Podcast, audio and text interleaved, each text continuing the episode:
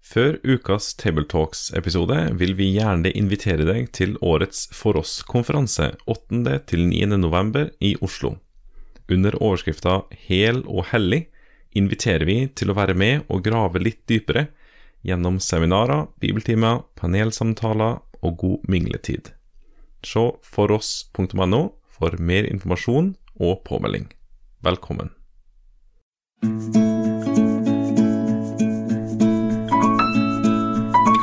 Velkommen til denne episoden av podkasten Tabletalks Søndagsteksten, som blir presentert av den kristne ressurssida foross.no.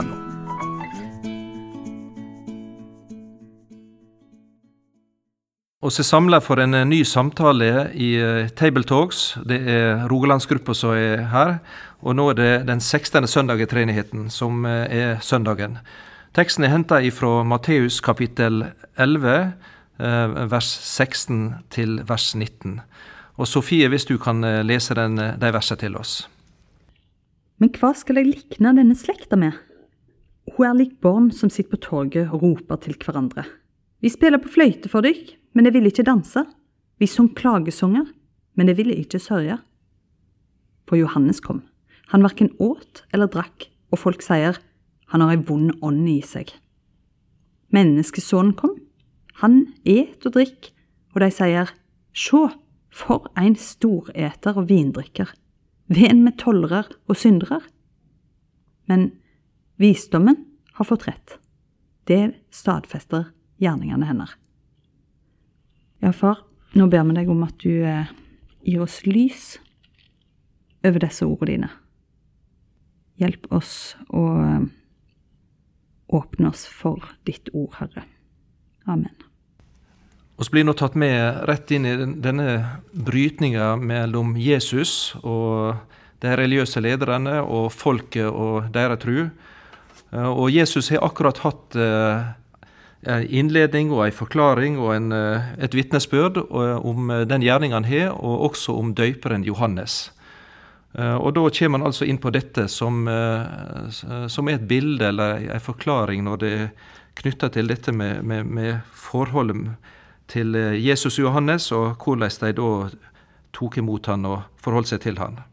Når du skal ha denne, denne teksten her, nå, så er det et bilde som er henta, eller en, en, illustrasjon av Jesus i starten her. Eh, er det noe som kan, oss kan si litt om bakgrunnen for den?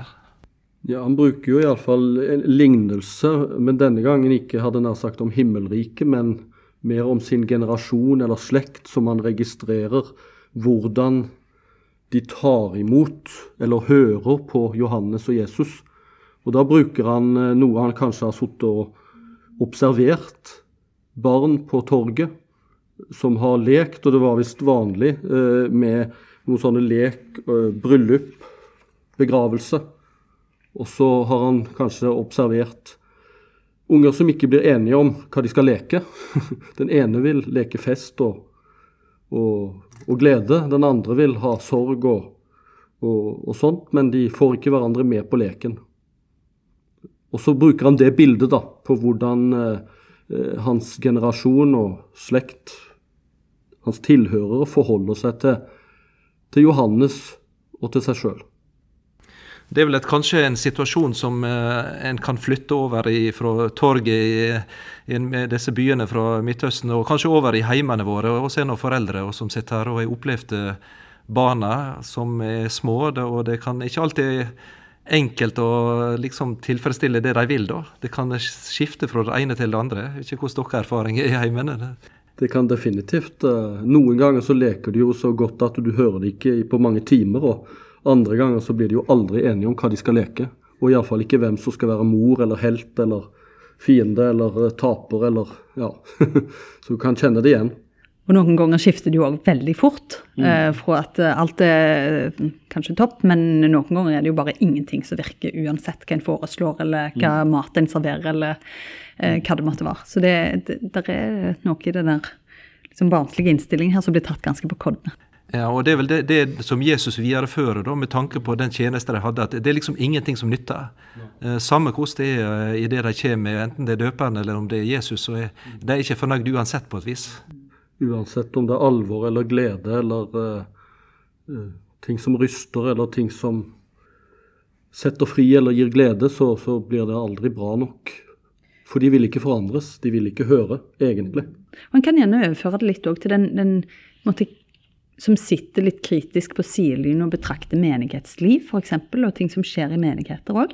Mm. Eh, at er det for munter musikk, så, så, er det åh, ja, det er sånn gladkristne, og en får helt, uh, blir liksom så trøtt av det. Og, og, og er det et, et, livsalvor som uttrykkes, og gjerne mer ettertenksomt og, og Eh, et annet uttrykk musikalsk, så kan det være en følge bare en gjeng med hengehove. altså en kan på en måte Bare ved å skifte perspektiv hele tida, så kan en jo kritisere innpakningen fra, fra, utrolig mange forskjellige perspektiv, rett og slett. Og det, det er jo noe en kjenner igjen i dag fra, fra kritisk hold, da, for å si det sånn. Jeg syns jeg husker en som uttalte det slik at han satt på gjerdet og bekymra seg over situasjonen. Eh, og Kanskje det er også noe av den eh, en kan få møte i dette her.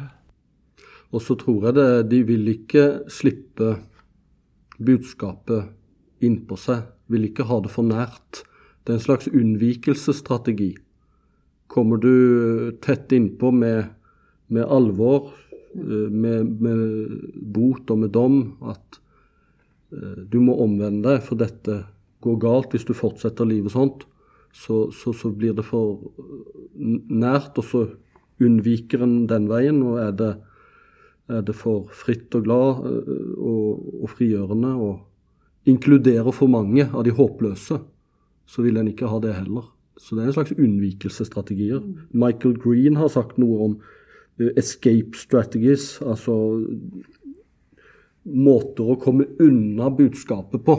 En vil ikke på en måte la seg forandre. En vil ikke omvende seg. Ja, jeg satt her og tenkte på kanskje vi av og til har en tendens til å øve altså Det er kanskje å strekke det langt, men allikevel at vi legger for masse vekt på innpakningen. altså Ofte i vår tid også, så snakker vi om å gjøre budskapet relevant, og vi blir veldig sånn opptatt av å gi det den rette innpakningen. Eh, og klart, det, det, er jo et poeng, det. Vi skal jo være opptatt av hvordan det blir presentert.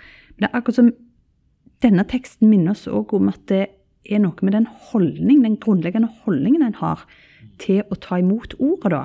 Og Jesus sier jo en plass også, i forbindelse med såmannslignelsen f.eks. at fornøye med hvordan, eh, hvordan dere hører. Mm. Eh, og det er jo et spennende ord. Liksom, at ja, det har noe med hvordan en hører det òg. Eh, og nå kan du si, Når Jesus sier han skal ligne denne etter meg, så er det vel det som oss nevner her, altså dette bildet at de, de ville ikke det ene og de ville ikke det andre. Mm. Og i bunnen på det hele da, det er at de vil bestemme sjøl. Altså det er deres valg, og de vil liksom gjøre det de vil. Eh, så du må ikke komme fra utsida fra andre sida og skal fortelle hvordan ting skal være. Om det er på den ene sida Johannes døypen, eller om Jesus kommer, så passer ingenting av det. For de sjøl vil velge hvordan jeg vil ha det, enten det er glede eller sorg, eller hva det måtte være. Jeg fikk jo litt assosiasjon til eh, det som står om Laudikea-menigheten i sendebrevene, hvor det står at du er verken kald eller varm. Du er lunken, og jeg vil spy deg ut av min munn. Det er jo fra et annet perspektiv, da. Men det er noe med at de, de, de vil ikke eh, beveges eh, på dypet, og de vil ikke forandres. Uh, det er et ord som Bibelen kanskje bruker som er, ligger i bunnen på det her, og det er ordet vantru. Det å ikke ville tru, eller avvise, ha, å komme til og vende seg til å ta imot. Eh, er ikke det vantrua som, som, egentlig ligger bak alt det her? Eh, kan, kan en si det sånn? Ja, det er jo nærliggende å tenke det, selv om det brukes ikke. Men i forlengelsen så har jo Jesus en vedklage over disse byene eh, som ikke ville omvende seg. Dvs. Si, hvis dette budskapet og Jesu gjerninger hadde skjedd i andre byer, i hedningebyer, så ville de omvendt seg for lenge siden. Eh, så det er klart, eh, Og omvendelse har jo med, med tro og vantro å gjøre. Så det, så det, er det at man ikke vil tro, ikke vil omvende seg. Jeg tror du er inne på noe der. For sånn sett er det jo en sånn avslørende tekst som kanskje er den er og har flere lag og er ubehagelig å ta inn det. At det òg handler om den holdningen som er. For ofte blir det litt sånn at ja, bare en liksom sår det ut nok, og bare en viser klokskap i formidlingen og sånt, noe, så, så vil det noe inn. Men der er, der, er jo noe som heter vantro òg. Og jeg tror det er det er sånn sett en, en tekst til ettertanke når det gjelder det med den holdningen se den som hører eh, ordet. Og at den, Bibelen viser jo mange eksempler på at, det, at eh, det er fullt mulig å stille seg eh, avvisende og ha en helt avvisende holdning. Og denne teksten viser jo hvor inkonsistente også folk ofte er. Eh, altså en, og en sjøl òg. En kan ta det, tolke det litt på flere plan, i et samfunnsmessig perspektiv, og se den enkelte Eh, når en hører ting som, som, er avslørende, om en avviser det eller om en eh, tar det til hjertet. Eh, ofte så er en litt sånn eh, som du Jan Helge sier, en vil bare velge sjøl eh, hva, hva en vil lytte til og ta inn. Eh, men Jesus sier vi skal være nøye med hvordan vi hører. så ja, jeg, tror det, jeg tror det er litt nærgående, så du antyder òg at noe av den samme måten å, å lytte på er jo nærliggende for oss alle, også på bedehusene og i mm. kirken òg, tror jeg. at, at eh, blir det for alvorlig og rystende, så, så, så, skygger vi fort unna. Og er det for eh, mye tale om barmhjertighet og, og inkludere de utslåtte og de prostituerte og alt sånt, så, så, så, kan vi godt på en måte, når det er litt på avstand, synes at det høres flott ut, men, men blir det for realistisk rett inn på livet, så, så rygger vi. Eh, vi òg, tror jeg. Og, og, og, som reisepredikant rundt omkring på bedehus og sånn, så, så senser jeg at, at, at vi, vi, Dette er ikke bare noe som skjer utenfor bedehuset. Dette er noe som går rett inn i, i, i oss som også går på bedehus og i kirke. Eh, så se til hvordan dere lytter. Det er noe som på en måte Jesus inntrengende så å si taler også til oss som, som kanskje er husvarme også. For vi blir nær sagt eh, fort besteborgerlige, som, som er godt forankret i sentrum. og klarer ikke helt å forholde oss til, til, til, til rystelsene og til friheten og barmhjertigheten. Og Nå får oss disse to representantene da her, altså først Johannes døperen, eh, som var en sånn vekkerøst som eh, kom og overbevist om synd og talte eh, med, og pekte på frafall og, og, hadde loven eh, med, og hadde samtidig Kristusvitnesbyrdet. Og så stiger Jesus fram, som eh, er den som stiger ned til den minste og sitter bords med de som er nevnt her, både tollmenn og syndere og en storheter og vindrikker. Hva er det som liksom er anstøtet i dette her disse, disse, med disse to? Nei, altså Med Johannes så er det nok litt sånn som for, for, Jesus har jo noe av det samme, men det er veldig tydelig hos Johannes, som var botsforkynneren, vekkelsesforkynneren. Eh, men når Jesus møtte noen jøder som kom til tro, og han begynte å snakke om at de skulle bli fri, i Johannes 8, så reagerte du med at Hvorfor snakker du til oss om å være fri? Vi er jo ikke slaver av noen. Og så begynner Jesus å snakke om at enhver som gjør synd, er en slave av synden. Og det reagerer de fryktelig negativt på. Og det er litt av samme reaksjonen Johannes døperen får på sin forkynnelse. Eh, men med Jesus, det at han eh, får så å si eh, skjellsord eller svertenavnet, at han er synderes og tolleres venn og vindrikker, det de mener at Jesus på en måte eh, går for langt i å vise barmhjertighet, eh, i å, eh, de åpenbare syndere.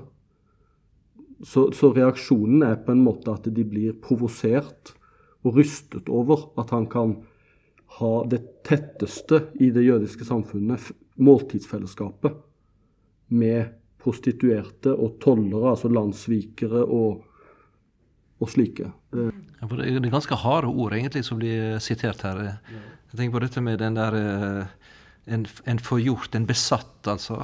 Ja, som er en vond ånd som er i han. Altså, det er ganske skarpe kritikk. Og også av Jesus, da, som du nevner her. Men så blir jo det som på en måte det munner ut i, som er Jesu poeng, er at egentlig det både Johannes døperen og han sjøl, som er utsendt fra, fra, Gud, og som bringer sannheten, begge to, de blir på en måte hunsa med og sverta og skjelt ut. Men de som tørster etter sannheten. Tørster etter å få snu om på livet, begynne på nytt. Få tilgivelse. Ta imot barmhjertighet. For de så er det jo livlig musikk å høre at Jesus blir kalt synderes og tåleres uh, venn. Så det som var ment som utskjelling, det blir jo gode nyheter for de som opplever Jesu barmhjertighet og, og, og, inkludering her. Ja, nettopp. Og de som hører det på den måten. altså De som lytter til virkelig det som, det som ligger i dette. For, for, på en måte kan en jo si det er jo ikke første gangen at noen prøver å spille litt ut uh, eller spiller ut Johannes mot Jesus, ikke mm. sant? Men sannheten er jo at de viser jo den bredden og den eh, hvor langt eh, Gud er villig til å gå for å nå mennesket, egentlig. Altså, en, en, viser en bredde i det å, komme med sannheten og bringe sannheten og legge den inn over mennesket. Mm. Um, og det, det, tenker jeg at, at, den som lytter for å høre sannheten, den, den lytter gjennom dette, altså og det treffer. Og da er det jo, som du Øyvind sier, at da blir det jo store storhet av vindrikk venn med tollere og syndere. Det blir jo det, blir jo det store håpet for, for enhver som, som ser seg sjøl som en synder og egentlig fortapt, mm. og som faller utenfor den som kan ha noe som helst med Gud å gjøre. Ja, og så ser, ser de ikke det positive i alvoret. Altså, Johannes sin, og når Jesus taler på samme måte som Johannes òg, til de som ikke ville innse de var ufrie, det er jo av barmhjertighet.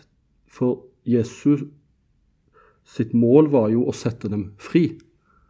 Altså, det er litt som, som eh, Altså, ubehaget er bare tilsynelatende nådeløst. For det kan virke nådeløst når du hamrer løs som Johannes eh, og truer med, med, med dom og, og, øksen som ligger allerede ved roten og slike ting. Men det er på en måte litt som Jeg syns iallfall det er et flott bilde med, med, med, med, kirurgen som bruker kniven. Eh, det er fryktelig ubehagelig, men det er for å lege. Det er for å stikke hull på noe, så det kan eh, det, det som må, verket må ut. Og så er det for å, å lindre og lege. Det er det som er målet overfor Johannes. Han forbereder menneskene på han som skulle komme, Jesus synderes og tolleres venn. Så, så, så, de har samme målet, men de klarer ikke å høre uh, De klarer ikke å høre det positive verken i, i eh, Johannes eller i Jesus.